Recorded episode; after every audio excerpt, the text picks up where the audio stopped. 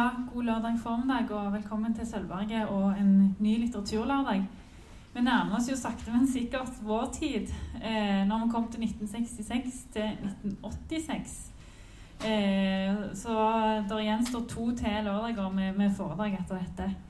Eh, I går så var jeg på Nasjonalbiblioteket i Oslo på utstillingsåpning om Sigbjørn Opsfelder. Så det ligger en sånn liten flyer for den der nede. Så hvis dere er i Oslo i løpet av de neste månedene, så ta turen innom Nasjonalbiblioteket og se på eh, Sigbjørn og sine originalmanuskripter og diverse fotografier og, og rester fra hans eh, forfatterskap som er stilt ut der.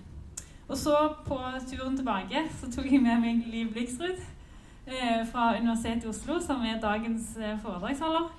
Eh, hun er professor i Nei, ja Du er det, sant? Ja. I nord. Nå ble jeg helt sånn eh, tøyse der. Eh, professor i nordisk litteratur på Universitetet i Oslo. Og eh, har god kunnskap om perioden som, eller tiårene som vi nå skal inn i. Så jeg gir egentlig ordet til deg. Vær så god, Liv.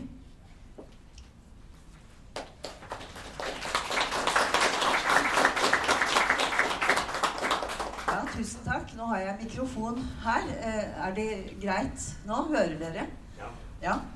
ja tusen takk for eh, presentasjonen, og tusen takk fordi jeg ble invitert hit. Jeg syns jeg var veldig hyggelig eh, på Sølvberget. Jeg har vært her før, og jeg syns det er flott at Stavanger altså satser på litteraturen som den nye oljen, og særlig på Obstfelder. Så det er, er veldig løfterikt for oss som arbeider med, med litteratur. Eh, og mitt oppdrag da, i dag er at jeg skulle da gå tilbake til perioden fra 1966 til 1986 etter denne nye oppsfelderske epokaliseringen av litteraturen som dere har begynt med. Så jeg holder meg innenfor den tidsrammen så godt jeg kan. Eh, hvem er det som husker den litteraturen her? Jeg tror det er noen som kanskje husker en god del fra epoken. Eh, og for meg så var dette en ganske morsom utfordring, for akkurat disse 20 årene fra 66 til 86 de faller sammen med min egen studietid eh, og min egen eh, litteraturforskningsperiode frem til jeg tok doktorgraden. Så akkurat 66 til 86 er en periode jeg husker veldig godt som litteraturforsker og student. Så jeg kommer til å Det jeg skal si, det, liksom, det henger litt sammen med det som jeg selv da anammet, som jeg tok til meg eh, i denne perioden. Det er et veldig stort spenn, så det blir jo nedslag her og der. Og selvfølgelig veldig ganske smalt, eh, det jeg kommer til å snakke om i forhold til det store feltet. Eh, dette litterære tidsrommet fra 66 til 86 det går altså over tre desennier. ikke sant? Eh, og vi kan da si at disse tre desenniene, eller epokene, er preget av tre ulike retninger. Den første epoken går fra 1966 til 1970. Vi er fremdeles i det som historikerne regner som etterkrigstid. Den går til 1970, fra 45. Og her dominerer modernismen, kan vi si, med idémessige røtter i, i, i eksistensialismen, kanskje. Altså 66 til 70. Så er det neste epoke, som altså omfatter hele 70-tallet. Og her dominerer sosialrealismen med idémessige forutsetninger i marxismen. Som dere sikkert husker, mange av dere. Den epoken. Så er det den siste epoken. Er altså, eh, det er altså 80-tallet, eh, første halvdel av 80-tallet. Og her dominerer postmodernismen med idémessige røtter i poststrukturalistisk teori. Dette er altså veldig grovt skissert. Eh, hvilke diktere er det da som preger disse 20 årene? I den første epoken, fra 1960, 60, 70, så, så, er det faktisk de eldre dikterne, de fra 50-tallet, som er mest eh, skal vi si, de er mest i vinden. Og det er forfattere som Johan Borgen, Kåre Holt og Jens Bjørnboe. Alle disse er virksomme i denne første epoken. Og noen eldre, eh, noen riktig gamle er også med. Selveste Vesaas. Han dør i, i 1970, vel, så han er også med. Og Torborg Nedreås. Hun eh, døde i 87, men hun fortsatte hun, altså hun skrev ikke noe særlig etter 1970. Så vi har altså en periode der som omfatter også de eldre forfatterne. fra 50-tallet. Men fra midten av 60-tallet og fremover så får vi altså et markant generasjonsskifte. Og da debuterer etterkrigsgenerasjonens forfattere. Og det er de som er født rundt siste verdenskrig. Og som nå er omtrent 70 år. Og som for det meste faktisk er i farta fremdeles, disse forfatterne. Vi ser dem her, noen av dem. Eh, eksempler da, det er Jan Erik Vold, som er født i 39. Eh, det er Liv Kølsov, som er født i 45. Edvard Hoem, født i 1949. Han er ikke med her, enda så pen og dekorativ han er. Så er han ikke med. Men vi ser altså mange av disse.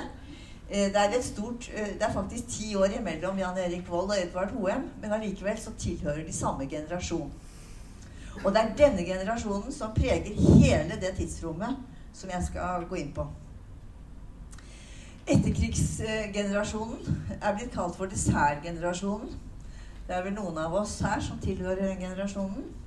Og vi regnes da som bortskjemt, et bortskjemt slektsledd. Eh, barn som ble født under krigen og etter krigen, de var for det meste ytterst velkomne. Og de representerte håpet og det nye Norge, ikke sant? Eh, disse barna vokste opp med fred, trygghet og økende velstand. Og de ble heiet frem av foreldre som stort sett var gift, og som sjelden var skilt. Eh, disse barna gikk på en gammeldags skole med fast pensum og trauste verdier. Eh, men det viste seg da at denne forfattergenerasjonen fikk det travelt med å gjøre opprør. Som Eivind Kjøndland så treffende skriver i Norsk idéhistorie Landet fikk en hel generasjon som aldri har hatt noen særlige materielle problemer, men tvert imot var så velfødde at de skammet seg over det. De foretrakk å identifisere seg med folk fra den tredje verden og kle seg ut som indianere og eskimoer. Dette altså som et alternativ til den vestlige, militaristiske og borgerlige skal vi si, eh, stilen og idealene fra foreldregenerasjonen. Eh, det var den generasjonen altså som dominerer. Hvis dere ser jo hvem de er. Jeg tror ikke jeg behøver å si det. Han mannen der. Det er altså Kjell Heggelund. Uh, han er født, også født i 39, så vidt jeg husker. Han var altså lyriker. Han, er, han, er, han lever ennå, men han har sluttet å, å skrive. Og var også, uh, han var også ansatt på universitetet på allmennlitteratur og underviste i litteratur. En veldig god venn av Jan Erik Vold. Eh, jeg kommer tilbake til dem etter hvert. Men ikke, ja. Så han var også min kollega en periode. Veldig ålreit type. Kjell Heggelund. Den yngste generasjonen i dette tidsrommet, da, fra 66 til 86, de debuterte på 80-tallet. De er født på 50-tallet, så de er også ganske voksne folk. Og Eksempler på, det, på, denne generasjonen er Jan Kjærstad, som er født i 53. Jon Fosse, og Vigdis Hjorth, begge fra 1959. Så det er altså en ny generasjon. Eh, dette var altså litt oversikt, så nå går jeg da over til den første epoken igjen. Altså det som jeg kalte for epoke 1, og som altså går fra 66 til 70. Det bør ikke være så rigid, men jeg prøver å holde det der. Altså Siden vi nå feirer den modernistiske lyriker Sigbjørn Obstfelder i år, så er det gode grunner til å begynne med lyrikken og modernismen i lyrikken. Og det faller seg så, for meg, da, veldig heldig Det er virkelig et pedagogisk poeng at vi begynner i 1966. For da får vi det litterære opprøret som er blitt kalt profilopprøret. Det er altså i 1966, 100 år etter Obstfelders fødsel. Og profilopprøret i 1966 er blitt stående som en milepæl i litteraturen. For å skjønne dette opprøret så må vi litt tilbake igjen til 50-tallet. Jeg regner med at dere har hørt om profilopprøret? Hva? Nei. Eh, nei, eh, da skal jeg prøve å forklare det. Altså, Som kjent så var det i løpet av 50-årene at modernismen fikk fotfeste i norsk lyrikk. Modernismen den ble kjempet frem, eh, og den fikk, møtte mye motstand. Men på 60-tallet så sto modernismen veldig sterkt. Ikke bare i lyrikken, men i litteraturen generelt. Og på dette tidspunkt så hadde modernismen eh, mistet noe av sin opprørske kraft. Det var ikke lenger noe provoserende med modernismen med frie vers, innfløkt syntaks, ikke sant? rare symboler. Dette var en del av det litterære morsmålet til denne generasjonen her. For dem, de, hadde, de var vokst opp med modernismen. Eh, men altså, som sagt, i de trauste 50-årene så hadde modernismen virket høyst provoserende. F.eks. på Arnulf Øverland, som var rasende på modernistene. Eh, og forlangte en enkel, rime, enkle dikt, med, helst med rim og rytme. Og det, modernismen ble også parodiert ellevilt av sånne skøyegutter som André Bjerke og Odd Eide. Hvis dere husker noen sånne vanvittige parodier. Så, men nå på denne tiden, så var altså 60, i 66, så var modernismen Hadde den satt seg. Og for den unge generasjonen, da, disse her, som nå er 70 år, så, så, så på 60-tallet Eh, så var modernismen eh, blitt det normale. Og, de, de, og de, de, irriterte seg faktisk over den modernismen som hadde seiret i Norge. Den som ble kalt for sensymbolismen. Det var en dyp, følsom poetisk form som uttrykte seg gjennom kompliserte bilder.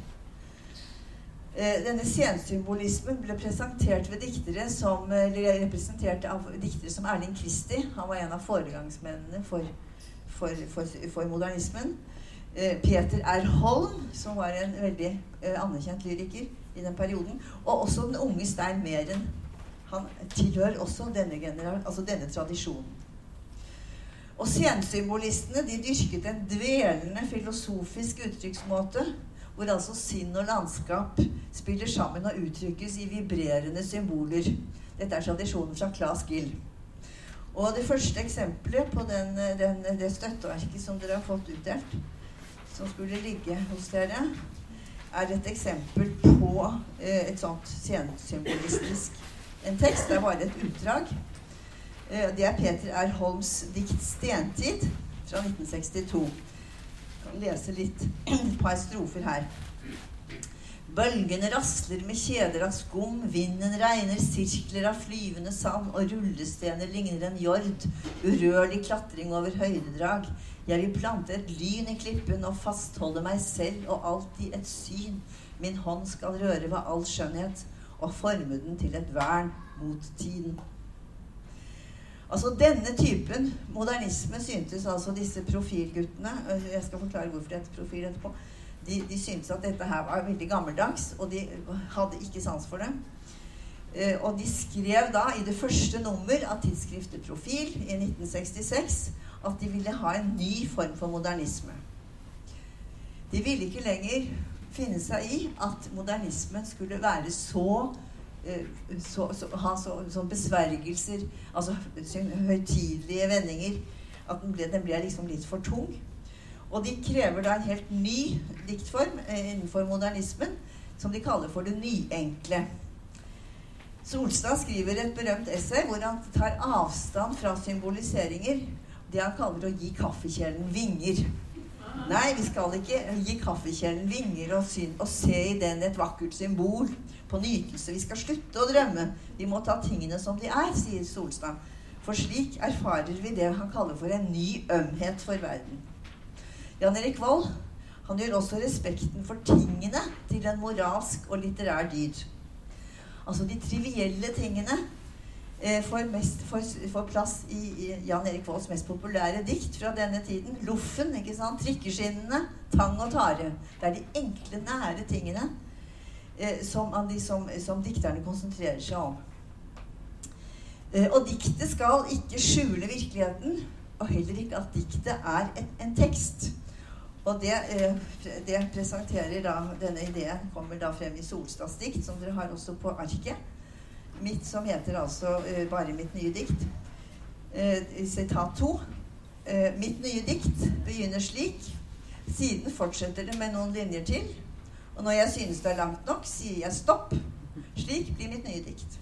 Dere hører da ganske stor forskjell fra dette diktet og tilbake til Peter R. Holms dikt 'Bølgene rasler med kjeder av skum'. Så her ser vi altså en ny idealisering av det enkle, det minimalistiske, eh, som altså er en trend i tiden på slutten av 60-tallet. Dette var ingen ny oppfinnelse, men det var altså en internasjonal trend inspirert bl.a. av tysk teori, av fransk avantgarde, av Pollinær, av Beatles, av Andy Warhols popkunst og av kinesisk og japansk lyrikk, den såkalte haiku-diktningen. En veldig sånn kort, kort og pregnant diktning.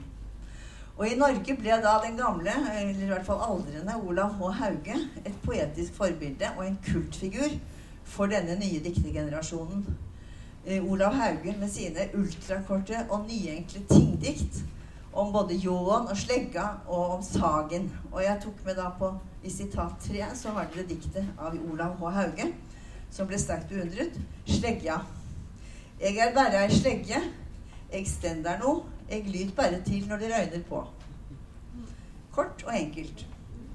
Dette her var altså veldig i tidens trend.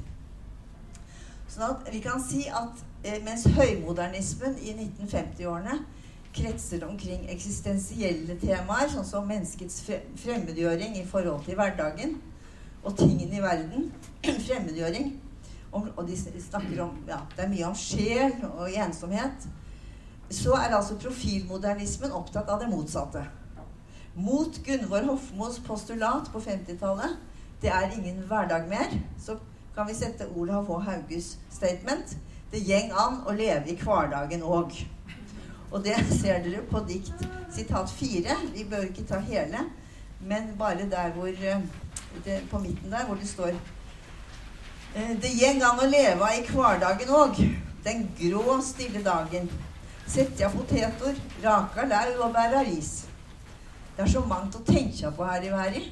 Et mannaliv strekker ikke til. Etter strevet kan du steike flesk og lese kinesiske vers. Dette her er altså et kultdikt som ble sterkt dyrket på, av denne profil, eh, disse profilguttene. Eh, så konklusjonen er altså at på slutten av 1960-tallet så betraktet man ikke lenger diktning som visjon og vei til erkjennelse, men altså som språkrensing, nærmest. Som konkretisme, som avmystifisering. Og dikteren er ikke lenger en privilegert eh, skal vi si, sånn sansiger eller profet eller fortolker, men betrakter seg selv som praktiker, kulturarbeider, tekstleverandør. Så skjønner dere liksom der aksenten forskyves i retning av det konkrete og praktiske. Eh, det er det som skjer i litteraturen, eh, i hvert fall her til lands, og også andre steder i land som i, i, Sverige og Danmark også. Det er ikke noe særnorsk. Denne ideen hos profilistene, hvis vi kan kalle dem det altså Det er de som er her. Ikke Tove Nilsen, men de andre Ikke Bjørg Vik, men de andre er liksom innenfor denne, denne grupperingen her. Disse, deres idé om at det poetiske finnes altså i det, nære, i det nære, i det konkrete, i tingene, i de små tingene, og i det sanselige, det innebærer et veldig vesentlig brudd. Med hva? Jo, med metafysikken. Eh, som handler om å spørre etter en mening. En mening over og bak liksom den sanselige verden. Eh, de store temaene i europeisk litteratur og idé og åndshistorie har alltid vært metafysisk forankret. De har vært knyttet til spørsmål om menneskets lodd, om liv og død, om tid og evighet. Eh, men med nyenkle, denne nyenkle profilpoetikken eh, så følger, følger det Det innebærer da at denne typen temaer blir avvist og kalt for borgerlig metafysikk. Og det er det verste denne generasjonen visste. Det er borgerlig metafysikk. Ja, selv frykten for døden blir i denne perioden forklart som en borgerlig fordom. Altså bort med alle de store spørsmål om liv og død og evighet og, og menneskets plass i verden og sånne ting. For nå, er, nå går man over altså, i en ny, ny sfære. Eh, hos Dag Solstad så fant jeg denne avvisningen av det metafysiske i en tekst som er nokså ukjent. Eh, og som han skrev i Dagbladet i, i 1968. Studentopprørets år. Og den teksten har jeg ikke sett har vært kommentert noe særlig. Det er altså, Jeg har tatt den med litt fra den på, ikke på sitat 5. Det er en anmeldelse av en roman av den franske dikter eh, Le Clésio. Som dere husker, så fikk han nobelprisen i 2008. en fransk dikter fra Nis. Eh, han er født i 41, Luclesio. Eh, og boken het 'Den materielle ekstase'. Og denne boken den anmelder altså Dag Solstad i Dagbladet. Eh, og da, den, Det leste jeg med interesse, for den bekrefter nettopp dette med denne metafy, metafys, metafysikk, avsky for det metafysiske, for de store spørsmål. Solstad mener altså at denne boken den befatter seg med en meningsløs problematikk. Bak boken, skriver Solstad, ligger det et konglomerat av europeisk tankegods. Man gjenkjenner en rekke av, jeg av de store europeiske metafysikere, fra Descartes over Bergson til Marcel. Han mener å skimte et helhetssyn i romanen, men, skriver han, nå kan du se på sitatet eh, altså han, han, ser dette her er metafysikk, og det er kanskje et helhetssyn, som han håper det er. Eh, og det finner han også. Men dette helhetssyn er bygd på en metafysikk som tviholder på mennesket, og ikke, mens, ikke minst menneskets tragiske skjebne. Mennesket med stor M. Dette er en farlig metafysikk fordi den abstraherer fra her og nå til fordel for evigheten universet, mennesket, og fjerner seg dermed fra konkrete tanker og handlinger. Det er en borgerlig metafysikk som orienterer i feil retning. Eh, Solstad konkluderer denne artikkelen med at boken til Le Clésion er ond. Intet mindre den er ond. Forfatteren er et ektefødt barn av det onde og umoralske borgerskapet, som er kapitalismens lakeier. Eh, dette var, altså det sitatet det, jeg, det, er mye lenger, men det, her, det, er det han sier her. Dette, denne samfunnsklassen, altså borgerskapet, fortjener å få svi, sier Skjolstad. Og han slutter med å hylle studentopprøret i mai i Paris i 1968. Så i ettertid så ser vi jo at her, dette er et veldig tydelig varsel om at 70-tallets politiske litteratur er underveis. Eh, så nå går jeg da over fra, til å snakke om 70-tallet som en egen epoke. Er det, er, snakker jeg for fort, eller er det ok? Nå er ja. Eh, altså 70-tallet, som er den største liksom, delen av det vi skal ha, det største tidsspennet der er på 70-tallet. Et vesentlig trekk altså ved litteraturen i 70-årene er som vi alle husker da, en voksende interesse for vanlige folk og deres hverdagsliv. Det altså for det kollektive, ikke for den individuelle sjelen, men for det kollektive, for mennesket i grupper.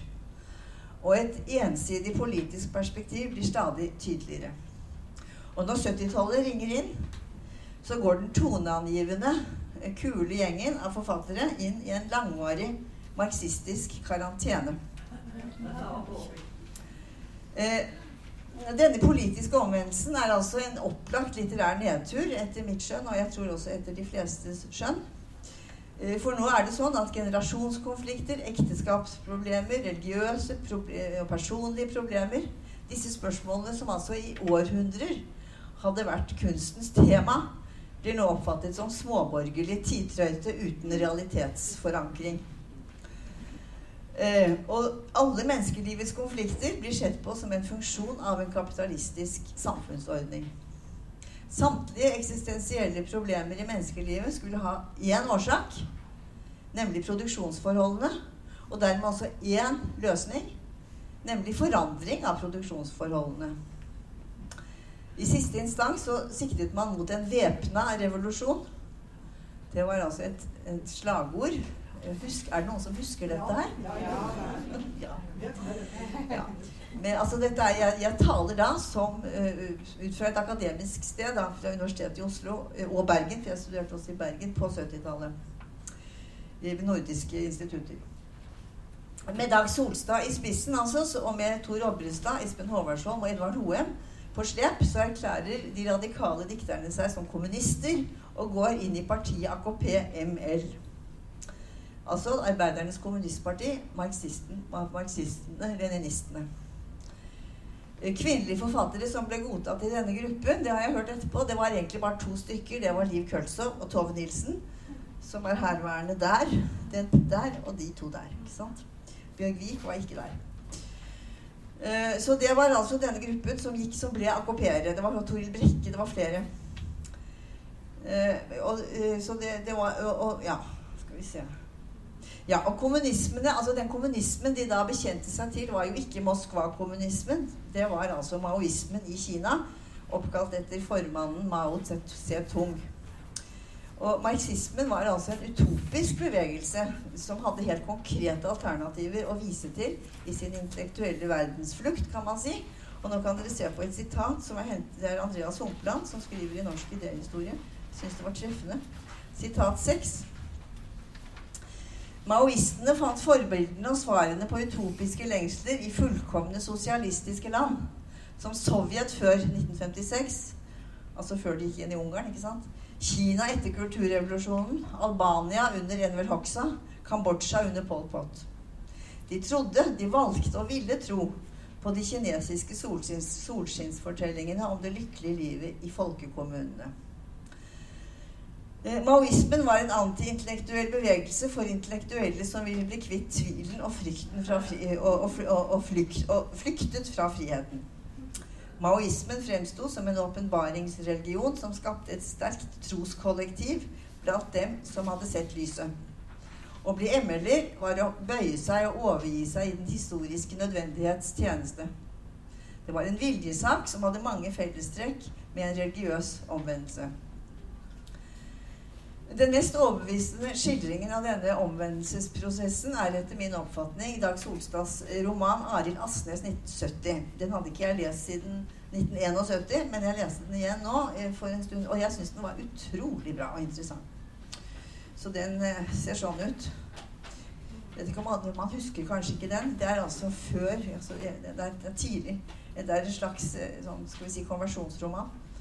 Eh, boken er anlagt som en psykologisk beretning. I ekstrem grad så er teksten konsentrert bare om det reflekterende jeget, altså Arild Asnes. Og her er ingen dialog, ingen bipersoner, ingen eh, intrige. Solstad beskriver den politiske omvendelsen gjennom en ung forfatters intellektuelle utvikling, Arild Asnes. Fra han begynner å føle, sin, han føler, begynner å føle seg sånn litt uh, uvirkelig livet er meningsløst. Eh, og, han, og, så finner han til slutt en ny forankring i politisk virksomhet. I ML-bevegelsen. Denne omvendelsen har karakter av et nytt klassestandpunkt. altså Det er et forsøk på å plassere seg selv inn i en historisk totalitet. Historien er det helt overordnede for Solstad i alle, alle hans, alt han skriver. Det er den eneste måten å bli virkelig på. Og det ender jo da med at Arild Asnes tar T-banen opp til Stovner, hvor han aldri har vært noen gang, og skal selge Klassekampen. Og så ringer han på den første døren og står klar. Så slutter boken.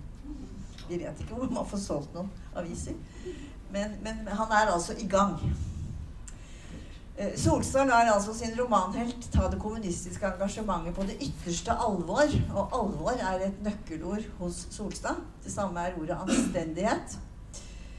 Uh, Arild Asnes tvinger seg selv til å se en sannhet i øynene som han syns er helt utenkelig. Nemlig at han som kommunist må være innstilt på en væpnet revolusjon. Det er det som er målet.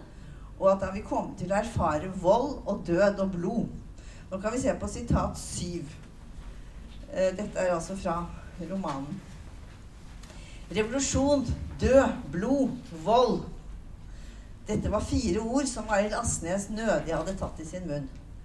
Revolusjon var for alvorlig, umulig, for fjern, for farsaktig til at han hittil hadde kunnet bruke det på noe som vedrørte hans eget liv eller hans egne omgivelser, altså det Norge han kjente.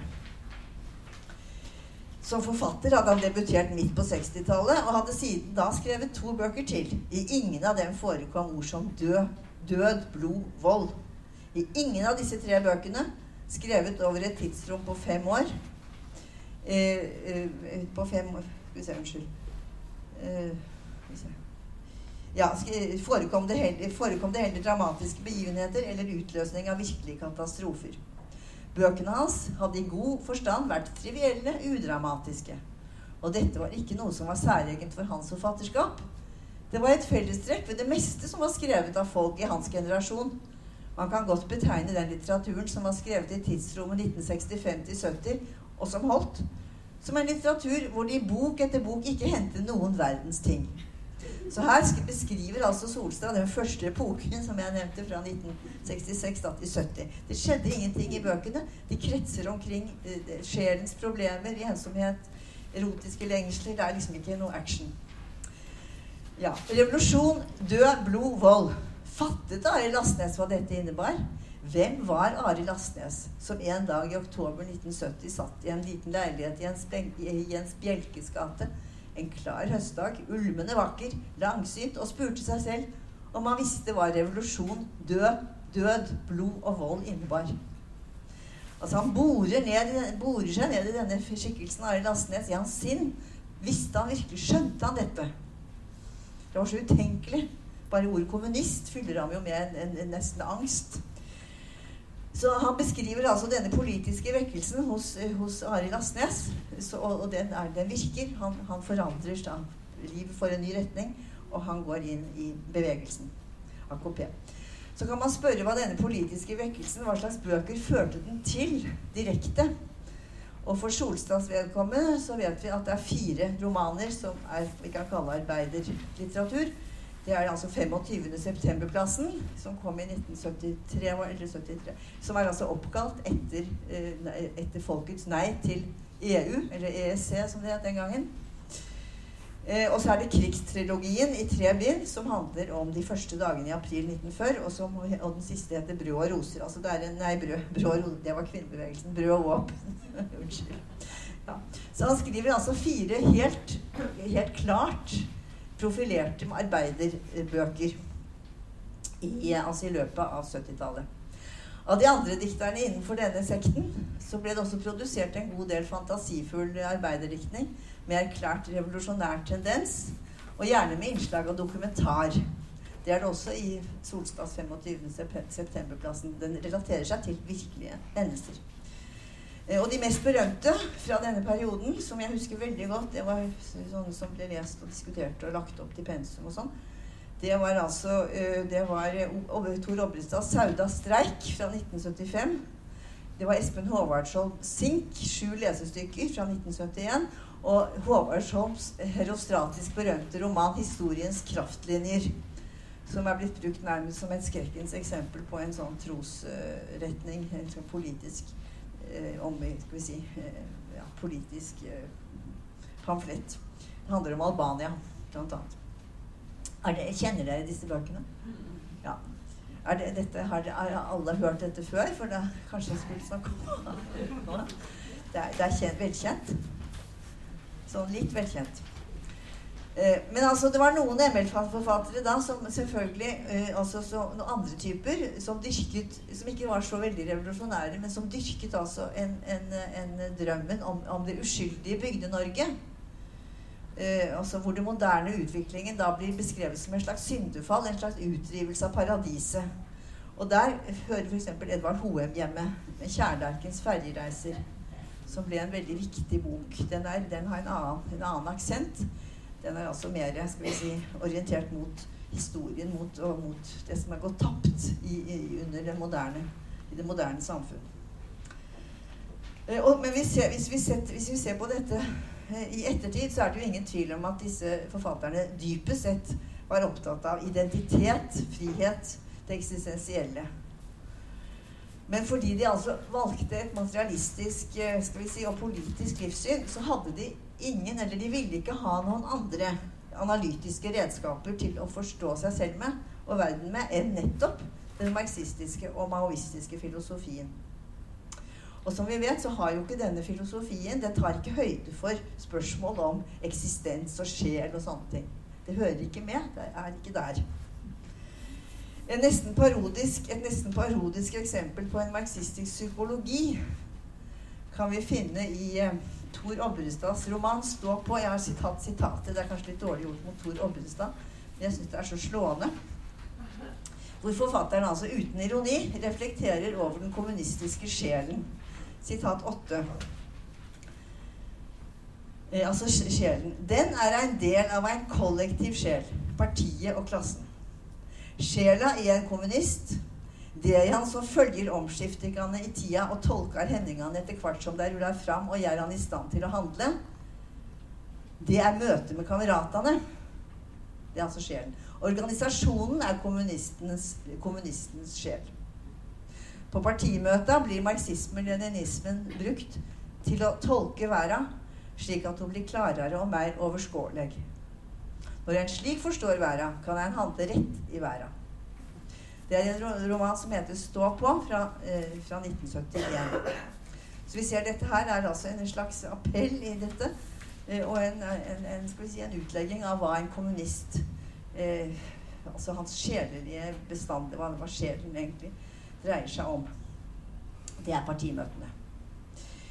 Eh, nå ble ikke altså Obrestad stående fast i denne posisjonen noe særlig lenge. Og i likhet med Edvard Hoem så vendte han tilbake til eh, altså Edvard Hoem vendte tilbake til barndomslandet sitt, til Romsdalen. Og Obrestad vendte tilbake til sitt barndomsland, nemlig Jæren, og skrev bøker derfra. Med veldig mye poesi og, og skjønnhet. Så dette er en politisk raptus som disse dikterne eh, gjennomgår. Eh, og som da eh, finner sitt skal vi si, begynner å, Den begynner å svekkes på, mot slutten av 70-tallet. Men nå skal jeg gå over på et annet emne som eh, ble, rørt til meg sterkt i, på 70-tallet, nemlig kvinnelitteraturen i denne perioden. Eh, fordi jeg arbeidet da med, sammen med kvinnelitteraturforskere både i Bergen og også i Oslo. Som, eh, og, og de forholdt seg da veldig til det som foregikk innenfor, eh, innenfor, denne, innenfor denne grupperingen av forfattere. Altså Denne politiske, politiske 70-tallslitteraturen som vi har gått inn på nå, den er jo typisk sånn maskulin og innmari tøff og, og karslige ting. Kretser omkring eh, partimøter, og det er maskuline saker og ting. Men altså dette tiåret var fremfor alt eh, kvinnelitteraturens og feminismens storhetstid. Det nye ordet kjønnsrolle Jeg skjønner ikke hvordan vi greide oss før uten det ordet. Det ble lansert på 70-tallet av Harriet Holter samfunnsforsker. Og det ble et uunnværlig begrep. Kjønnsrollebegrepet virket veldig frigjørende. Og det bidro til å fortrenge forestillinger om essensielle personlige kjønnsegenskaper hos menn og kvinner. Og dermed så åpnet også dette begrepet for at disse rollene altså var innlærte. De kunne også forandres. Eh, feminismen var altså en kollektivistisk og venstreorientert bevegelse. Og i likhet med marxismen så hadde feminismen sine hellige skrifter, sine trosdogmer og sine læresetninger. Og vi som da var studenter på den tiden, vi ble bombardert med feministisk teori og feministisk litteraturteori. Vi ble innpodet med slagord dette husker sikkert mange her, av typen 'kvinnekamp er klassekamp', og 'klassekamp er kvinnekamp'. Vi leste Betty Freedom, 'Myten om kvinnen', ikke sant? Simone de Beauvoir, kjønn, den var jo gammel, men den ble jo, den ble jo en slags bibel. Uh, og man, uh, det er f.eks. denne statementet hennes Man er ikke født som kvinne, man blir det. Mannen var fienden. Patriarkatet var en sykdom som måtte overvinnes. I kjønnskampen så var kvinnelitteraturen uhyre viktig. Uh, som kunnskapskilde, mobilisering, som inspirasjon og som refleksjon. Og litteraturen hjalp utvilsomt kvinnene til å gjenkjenne sine erfaringer som kjønnsvesener og til å sette ord på følelsene. Det, veldig, det ble veldig sånt mantra, nærmest. Sette ord på følelsene.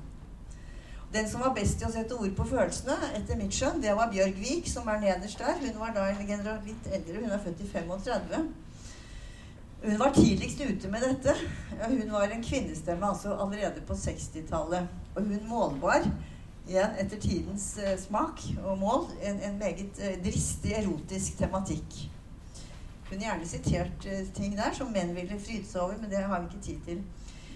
som går på det kjønnslige. og dette erotiske kan fornemmes i hennes gode titler, f.eks.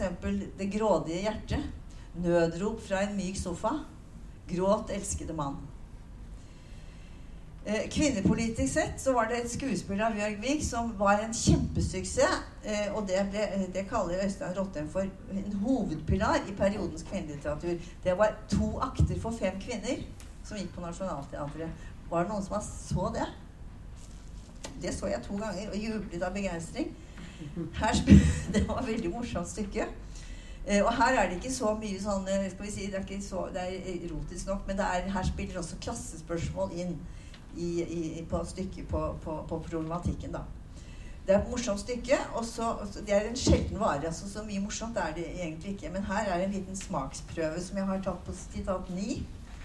Eh, Skal vi ta det? Altså Det er fem damer, da, og de har forskjellig, har forskjellig liksom, eh, skal vi si, opprinnelse og, og sosial plassering. Så sier Anne Sofie hjemme stemte de på Høyre i alle år. De hadde klart å skrape sammen penger til den tobakkssjappa, og straks, vips, var de småkapitalister. Det er bare sånn. Elinor, mamma stemmer på Jesus. Lilleba, du må lese avisen, Lilleba, sier Hans. Avisen, Lilleba. Men når det blir stille om kvelden, er jeg så trett. Det eneste jeg orker mm, Gry. Det angår oss liksom ikke. Det er litt rart. Hanna. Hele inndelingen i klasser, arbeiderklasse, borgerskap osv. Det dekker bare over den egentlige, egentlige klasseskillet, nemlig mellom kvinner og menn. Og der ser vi Hanna. Hun er altså sandsigersken. Den som da har eh, som, som, som, som, ser altså de rette, de rette eh, perspektivene. Dette er veldig typisk for tiden. Jeg tar dette med ikke fordi jeg syns det er så uforlignelig, men fordi det er veldig tidstypisk. Det er det jeg prøver å få frem her. Eh, kvinnelitteraturen altså fungerte som et speil for kvinnelige lesere og hjalp dem til bevisstgjøring. Det er et veldig viktig ord på 70-tallet. Bevisstgjøring. Eh, og bevisstgjøringen det skal man få om de reelle maktforholdene i samfunnet. De objektive, reelle maktforholdene i samfunnet. De kan du lese om hos Marx, for det er nemlig helt objektivt, og det er helt vitenskapelig beskrevet. Og kvinner måtte fremfor alt frigjøres fra falsk bevissthet, hvis dere husker det. Du lider av falsk bevissthet. Fy søren, du må skjerpe deg. Ja, sånn, det er sånn, sånn er det bare, liksom. Det er falsk bevissthet, hvis man tror det. Eh, altså Falsk bevissthet det er altså at man mangler forutsetninger for å, Eller man mangler innsikt da, eh, i de objektive makt, maktforholdene. Og kvinnene må bevisstgjøres om hvem som bestemmer over dem. Og i dette ideologiske klimaet så blir jo da Liv Kølstovs roman 'Hvem bestemmer over Bjørg og Unni?' Den ble helt, den kom som bestilt. Den ble en veldig viktig utgivelse. Eh, jeg har sett sitat fra den. Altså denne boka, 'Hvem bestemmer over Bjørg og Unni', den ligger her, og den kan lånes, sier Marita. For både Asnes og, og Bjørg og Unni er her til stede og kan lånes. Uh, uh, ja, Bjørg og Unni. Dette er, det, er, altså, det er en slags sånn kvinnelitterær pionertekst. Det er en slags didaktisk tekst, en belærende tekst som i et intendert folkelig og enkelt språk, som ikke Liv Kølsov pleier å bruke, forsøker altså å peke på undertrykkelsens viktigste agenter. Og det er selvfølgelig Det er altså storkapitalen, eller monopolkapitalen. Og varesamfunnet, altså vare... Eh, altså forbrukssamfunnet. Romanen handler om en veldig enkel aksjon i et borettslag mot en ny vei tvers over lekeplassen og poenget her er å vise at det nytter for kvinner å protestere. Vi kan ta en, hvis vi rekker det, vi tar en bitte liten bit av, romanen her. Vi kan ta eh, noe i sitat 10. Det er litt langt, kanskje. Men det er en prøve på hvordan hun skriver, og hva som liksom folk syns var kjempeviktig i denne tiden. Noen som har bodd lenge i borettslaget, tenker på borettslaget. På vinteren og somrene her, og på at det er bra de bestemte seg for å gjøre motstand mot noe de vet ville sette trivselen på dette stedet i fare som vil gjøre livet deres mest mer presset enn det var før. Og så kommer forfatteren liksom og spør hvor er Bjørg i dette bildet, og Unni. Ingen av dem er her ennå. Om et par timer vil husmødrene dominere aksjonen. Nå er det like mange mannfolk som det er kvinner. Det første Bjørg tenker på når hun kommer oppover ved nitida med begge ungene i vogna, er hvor jævlig det kommer til å bli her hvis utbyggingen blir gjennomført. Traseen eter store felter av lekeområdet Langt innpå de øverste blokkene i borettslaget. Haugen skal vekk. Stein, asfalt, fortauskanter, lyktestolper med blå lys. Bak dem den bleke himmelen. Nede i gressdumpa av borettslaget, ynkelig plassert mellom to store trafikkårer. Hun blir rasende. Altså det å mobilisere raseriet, det er det som er en, en, en, en skal vi si, en, en hensikt, et mål med denne romanen. Og det skjer også her. De får altså satt i gang aksjonen, og den funker. Eh, Kølso var en av de få kvinnelige forfatterne som profilkretsen da eh, eh, aksepterte. Hun sto dem der. Hun var gift med Espen Håvardsson, og senere var hun gift med Kjell Heggelund. Så hun sto disse veldig nær. Eh, og det, hun ble også ansett som en av de viktigste og mest relevante feministiske forfattere. Ikke fordi hun var så veldig utpreget militant politisk, men fordi hun skrev fine kvinneromaner om kvinnelig oppvekst, eh, opp, jenters oppvekst. eh, på en modernistisk, veldig sånn fintmerkende måte. Hun skriver jo fremdeles, som dere vet. Så utga hun jo i fjor boken 'Melding til alle reisende', til tross for at hun er syk. Så hun har vært en veldig støyer eh, som kvinnelitterær forfatter. Altså De eksemplene på kvinnelitteratur som jeg har trukket frem nå, det var de som på en måte ble mest lest, og som var mest uh, bedyrket, for å si det sånn. Uh, og for, Litteraturforskerne i denne tiden har altså et normativt syn på hva som var relevant og god litteratur. Den type kvinnelitteratur som kom på pensumlister, det var altså den som tjente den gode sak, som tjente kvinnebevegelsen. Litteraturen skulle ha en politisk funksjon. Det var en lang rekke andre bøker også av kvinnelige forfattere som sto i mer direkte forhold til kvinnebevegelsen. Som også ble, sto på pensumlistene. Og det jeg bare husker jeg begynte å tenke ut hva, hva var det vi holdt på med. Jo, det, det var følgende bøker som det gikk igjen. Det var altså Toril Brekkes bok 'Jenny har fått sparken'. Om streikende kvinner. Det var, det var altså Tove Nilsens bok om abortspørsmålet. 'Aldri la dem kle deg forsvarsløs naken' fra 1974. Det var Geir Brantenberg. Det var en litt annen type bøker. Satiriske og utopiske romaner om kjønnsroller som er snudd rundt. Det var en slags lesbisk opprør der. Det var ellers veldig under, under altså, skal vi si, dempet, det med det lesbiske og det homofile i det hele tatt. Det var nesten ikke tematisert i denne epoken. En pensumtraver i emnekretsen kvinnelitteratur var den svenske Maja Økeløfs ra eh, rapport fra en skurebøtte. Eh, om sosial sånn, dumping, dumping det, altså det begrepet fantes jo ikke, men det var det det handlet om. Kvinner i lavstatusyrker. Og en annen pensumbok som var veldig kul, det var en svensk roman uh, av Marit Paulsen som het 'Du menneska', med undertittelen 'Skarp nærbild av en industriarbeiderskas liv'. Denne boken ble den ble straks en klassiker i svensk feministisk uh, debatt. Og altså en uh, populær kvinnebok i Norge. Ja, jeg ser at tiden begynner å løpe litt. Eh, skal vi se Nå var det i hvert fall ikke sånn heller da at alle forfattere på venstresiden gikk inn for at litteraturen skulle være et politisk redskap. Noen av de som ikke var med på det, de var ofte knyttet til litterære, et veldig spenstig tidsskrift som het Basar. Jeg vet ikke om dere husker det? Innmari morsomt tidsskrift. Og der sto bak dette så sto altså både diktere og filosofer. Jan Erik Vold, Einar Økland, Kjartan Fløgstad, Kjell Heggelund, Georg Johansen, Jon Hellesnes, filosofen, og Thomas Krogh, som var filosof, blant andre. Liv Kurtzow og Cecilie Røvaid var så vidt med, som, så med i redaksjonen. Redaksjonen gikk på omgang igjen mellom de forskjellige skribentene. Eh, nå går jeg over altså til å bruke den siste tiden til å snakke om klimaskiftet eh, fra 70- til 80-tall. Det er sikkert mye dere savner fra 70-tallet, men det er faktisk ikke mulig å få med alt. Den mest populære, det mest populære på 70-tallet, det, det var jo hun Anne Karin Elstads bøker om innhaugfolket. Det var det som ble lest og solgt mest.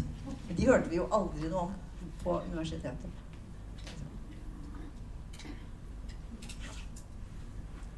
Ja, altså Høsten 1980 så ga Gyldendals forlagsdirektør Andreas Gartveit uttrykk for et ønske om at han ønsket et klimaskifte i litteraturen. Og forfatterne burde nå vende tilbake til Ja, dere tror nesten ikke dere egne ører hva han sier direkte. Forfatterne bør nå vende tilbake til havet, døden og kjærligheten. til de evige temaer om menneskets fundamentale livsvilkår.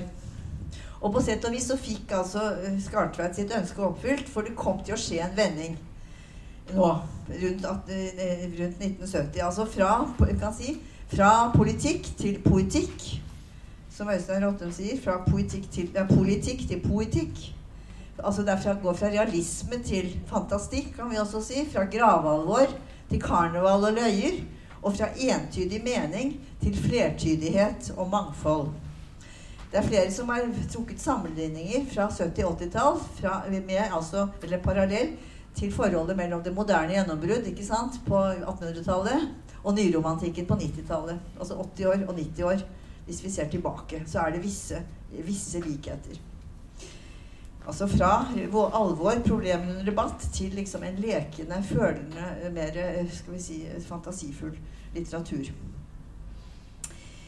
Eh, så det er altså en, også er det tendenser altså til nyidealisme også i denne på 80-tallet. Vi, vi, skal bare frem til 86, heldigvis, og vi har, så, vi har ikke så mye å gå på her.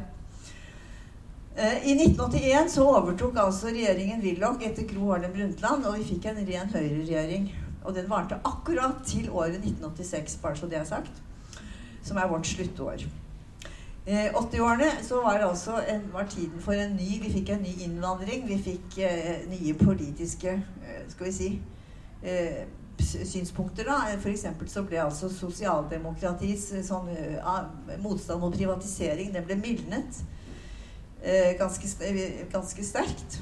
Eh, og det var en ny type innvandring. Vi fikk eh, fra mer farverikt fellesskap, ble også et slagord. Markedet fikk et frislipp. og det var altså det vi kalte for jappetid. Husker dere jappetid? Det var 80-tallet. Og da, da, var det veldig mye sånn vekt på uh, nye kaffebarer, sjampis og, og, og, stort forbruk av luksus og kule ting sånne pistasjegrønn sofa husker jeg var kjempeflott. Og så var det rosa briller og svære skulderputer. Det var 80-tallet. Da var det mye stæsj. Men altså uansett hva disse, dette omslaget hva det skyldes, så, så, ser man hos de fleste forfattere eh, i det litterære miljøet, eh, og i det litterære miljøet generelt, en vilje til oppbrudd fra 70-tallismen, som de kalte det, som nå blir omtalt som en ideologisk tørketid. Det er ganske fort Man setter stygge, nedsettende betegnelser på dette tiåret hvor det virkelig var alvor og for, forsøk på å solidarisere seg med, med, med, fattige folk. Og det var mye idealisme i den tiden. Men nå blir alt dette sett på som, som ideologisk tørketid. Men allerede i 1977 så hadde altså Stein Meren gitt advarsler. Det var flere som advarte mot denne ideologiske tørketiden, som var altså ensidig sånn eh, eh, skal vi si intellektuelt sett. Eh, han gjorde oppmerksom på i boken 'Myten og den irrasjonelle fornuft' et, en metafysisk understrøm, en mystisk understrøm kaller han det også, i kulturen, som holdes nede. Og spor av denne kulturen vi, i litteraturen kan vi finne f.eks. hos Georg Johannessen på, på 80-tallet. Den boken som heter 'Simons bok', som er altså en reiseskildring i moderne bibelstil. Og i essaysamlingen hans 'Den norske tenkemåten' fra 1982 så vel er det viktigste enkeltbidrag i den perioden til litteraturforskningen. Etter min oppfatning i hvert fall, så syns jeg den er uhyre viktig utgivelse. I 1983 så skrev Kai Skagen, som er antropo, altså, sånn, antroposof, en veldig poengtert kritikk av den litterære politiske venstrefløyen i boken som het 'Basarovs barn'. Grunner og avgrunner i norsk litteratur'. Og Skagen går til angrep på det, de venstreradikales eh, blodtørstige utopisme og forakt for individet, hatet til historie og tradisjon og mangelen for sans for livsbærende verdier og idealer. Men til skade for Skagen så smurte han altså altfor tjukt på. Han med noen skrekkelige personkarakteristikker av forfatterne. Mange, ikke alle, men noen fikk noen skrekkelige, fæle karakteristikker. Og disse, det, alt dette kommer til, å, det kom til å overskygge det han egentlig var ute etter. Og det, det var veldig synd. Jeg leste boken igjen nå, og den er meget interessant. Men skjemmet altså av eh, invektiver. Så den boken ble ikke den milepæl eh, som den kunne ha blitt. Eh, dessuten så kom den litt for sent, for den kom nemlig i 83. Og det viktigste signalet om politisk resignasjon, det var allerede gitt av Solstad i 1982 i denne storståtte boken, det storståtte oppgjøret med ML-bevegelsen, som alle kjenner her. Gymnaslærer Pedersens Ja, den lange, lange tittelen. Store ja, videre. Denne, bok, denne, boken og filmen den er jo så velkjent at jeg tror ikke jeg skal si noe særlig om den. Men vi kan tenke oss, eller vi husker at Solstad bedriver altså faktisk kritisk analyse av sin nære politiske fortid eh, helt, gjennom hele 80-tallet gymnaslæreren. Og så kommer forsøk på å beskrive det ugjennomtrengelig i 1984. Og roman 87 i 1987. Eller den kommer ut i 88. Som han fikk Nordisk råds pris for. Da er vi kommet over mitt, min periode i dag. Eh, men vi finner altså politisk resignasjon hos flere forfattere på det tidlige 80-tall, som f.eks. hos Bjørg Vik i den mollstemte romanen 'Snart er det høst', og hos Edvard Hoem i boken 'Prøvetid' som er en bok om maskulin, identitet, maskulin identitet i krise. Det er en helt annen type bok enn de, disse fra, fra Bygde-Norge. Og her er det at han kjører, fører altså eh, denne teksten, moderne romanhandlingen, eh, inn sammen med, med, med Strindbergs 'Frøken Julie'. Og det i et, i et, samspill mellom skuespiller Johannes og Jean i skuespillet 'Frøken Julie'. Eh, disse to mennene som da eh, tilber en eh, aristokratisk kvinne. Eh, og han bruker det som blir kalt for intertekstualitet, bare så det er sagt. Det blir et veldig viktig virkemiddel for i, i denne tiden som skal komme. Altså Han fører tekstene sammen, lar dem spille, speile hverandre i og gi, vekke gjenklang og ekko. Så dette ble altså intertekstualitet. Det å bruke forskjellige tekster fra ulike verk, la dem spille sammen og belyse hverandre gjensidig. Det ble en, eh, det høyeste litterære motet på 80-tallet. Og på en, nærmest en farsott på 90-tallet, som vi ikke skal inn på. Så det, dette nå, nå føres jeg over på det som blir kalt for postmodernisme, som jeg må si litt om helt til slutt. For det er det som da skjer i norsk litteratur på begynnelsen av 80-tallet. Det er at postmodernismen begynner å, uh, å bryte gjennom. Dette begrepet er så innfløkt at Og jeg har lest nettopp den store boken til Trygve Riise Gundersen om postmodernismen, den store nye vekkelsen, hva han kaller den. Eh, den er en veldig morsom bok, full av artige ting, men jeg fant ikke en eneste brukbar definisjon der. Derfor så har jeg satt opp på sitat 11. Det behøver vi ikke lese nå. Det er fra norske, Store norske leksikon, hvor Hans Horshei skriver veldig godt om postmodernismen. Eh, vi kan se litt eh, på midten der. Postmodernistisk litteratur kjennetegner seg en sterk vilje til å eksperimentere med det litterære formspråk. Den stiller spørsmål i forholdet mellom tekst og virkelighet og tar avstand fra de store fortellingene. Og litt lenger ned denne litteraturen blander gjerne gammelt og nytt, komisk og seriøst, og går inn for å avdekke og synliggjøre de litterære grepene. Eh, ikke sant? Sånn at det er en, en, altså en litteratur som, som opphever forskjellige skiller som har vært vanlig å, å sette.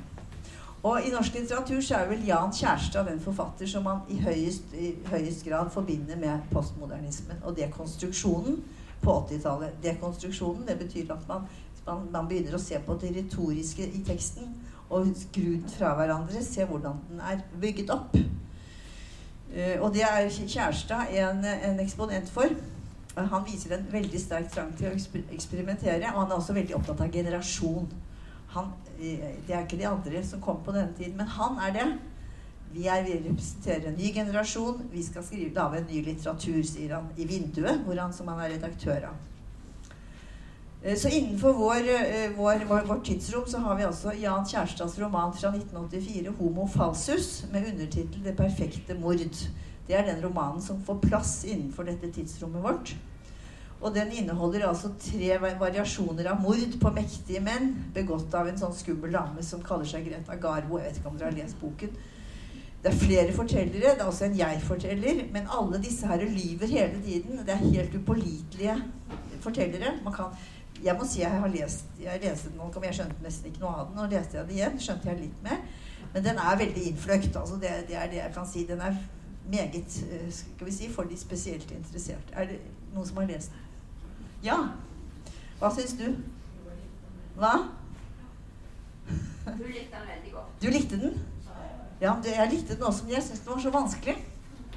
Men da kan du fortelle meg litt om den, for jeg syns den var vanskelig. I hvert fall så sier på slutten så, uh, så, så, så, oppsummerer han liksom uh, det fortelleren, og det tror jeg ikke er upålitelig. Jo, kanskje. Det er ikke så lett å si. Av alle Det er sitat, sitatet dere har fått, det nest siste der. Av alle brennverk Eller det er kanskje det siste. Av alle brenn, nei, det er det nest siste. Av alle brennverk livet truer på oss, er dette det farligste å tro at det bare er én virkelighet, og at den er forståelig. For å være ærlig så husker jeg mindre og mindre hvorfor jeg skrev boken. Den forandrer seg mer og mer til et kryptogram, et skilpaddeskall. En bok er kanskje en gåte, som menneske er det. En forståelig bok er en løgn. Sånn at den er, den er krevende. Eh, men altså, den, den, er veldig kompleks, og den er et typisk uttrykk for altså, en ny vending i litteraturen. Det er altså en metaroman. Den handler om sin egen tilblivelse. Og Kjærstad gjør bruk av der i den boken av strukturmodeller som man finner i det moderne EDB, som det het, eller hva det var kalt det den gangen, datateknologi. eh, som han, han, bruker bevisst og helt systematisk, altså datamaskiner, tekst, tekstbehandling, i, i, i skrivingen. Eh, så den, det er altså en, en roman som, som, som, som, bryter altså helt, helt, med det som har vært før på, på 70-tallet. Eh, I parentes bemerket så kan man si at denne boken til Kjærestad som kom i 84, den konkurrerer med den boken som ble mest populær av alle bøker på 80-tallet, og det var 'Beatles' av Lars Saabye Christensen. Den er lettere å forstå. Eh, nå har vi kommet til sluttåret 1986, eh, og, og, da kan vi si Nå skal jeg avslutte og gå ned for landing. For i 1986 Det er ganske, ganske, i grunnen ganske morsomt. For i 1966 hadde vi profilopprøret, og i 19, 1986 eh, så topper postmodernismen seg i Norge. For da kommer nemlig Kjartan Fløgstad med en roman som er den mest originale postmodernistiske romanen i Norge, nemlig 'Det sjuende klima'. Salim Mahmoud, eller hvordan det uttales, i media Tule. Og det er en ellevill satire over mediesamfunnet og dets fordummende virkninger. Hvor altså språket er gått helt i oppløsning og er blitt ramsende galskap, for å si det med Kirkegård. Eh, og hvor altså eh, hvor, hvor, alle relasjoner altså er blitt parodiske og, og meningsløse. Eh, I 1986 så ser jeg for første gang at postmodernismen blir brukt i Norsk litterær årbok. Som er et traust og solid norsk litteraturvitenskapelig tidsskrift som kommer hvert år. Og som alltid er på, liksom, på høyden med det som skjer i norsk litteratur. Og der leste jeg at Leif Mele, som den nylig avdøde, og Geir Mork for første gang de er redaktører, kommenterer postmodernismen. Men de er ganske forbeholdne og litt nølende og skeptiske. De skriver nemlig i disse tider går postmodernismens spøkelse gjennom Europa og Norden.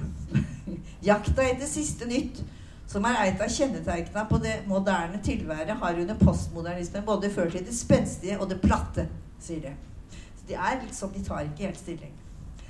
Men i dette samme nummeret av Norsk litterær årbok 1986 så slipper de til Hans Skjervheim med hans berømte artikkel eh, som, som, handler om altså dekonstruksjonen. 'Invitasjon til kulturell sjølmord'. Det er altså en sterk advarsel mot, mot dekonstruksjonen og ut fra et filosofisk synspunkt fra Hans Skjervheims side. I 1986 kommer en, enda et angrep på det, på det postmoderne. Og det, det, kommer fra Jon Hellesnes, filosofen, i hans bok som heter 'Den postmoderne anstalten'. Som er en satire over postmodernismens eh, læresetninger, eller hva vi skal si. Eh, men det eneste, eneste, virkelig store postmodernist, skal vi si, den, den betydelige, og den som er, får det beste ut av postmodernismen, det er en kvinnelig forfatter. Og gjett hvem det kan være. Det, som jeg syns, i hvert fall, det er Karin Moe. Eh, I denne boken til Trygve Riise Gundersen så betegner han henne som den virkelig ekte postmodernist. Den mest betydelige, den mest konsekvente. Eh, og hun, Han har et intervju med henne i denne boken, eh, og der eh, Sitat 13. Der sier hun tankevekkende ting. At for henne så betydde altså postmodernismen en sterk frigjøring. Og hun sier bl.a. Sitat 13 der. 1980-tallet rommet et voldsomt frislipp som ikke bare kan avskrives som lekende eller uforpliktende. Bare en sånn ting at vi fikk jobbe med skrift og betydningsdannelse igjen.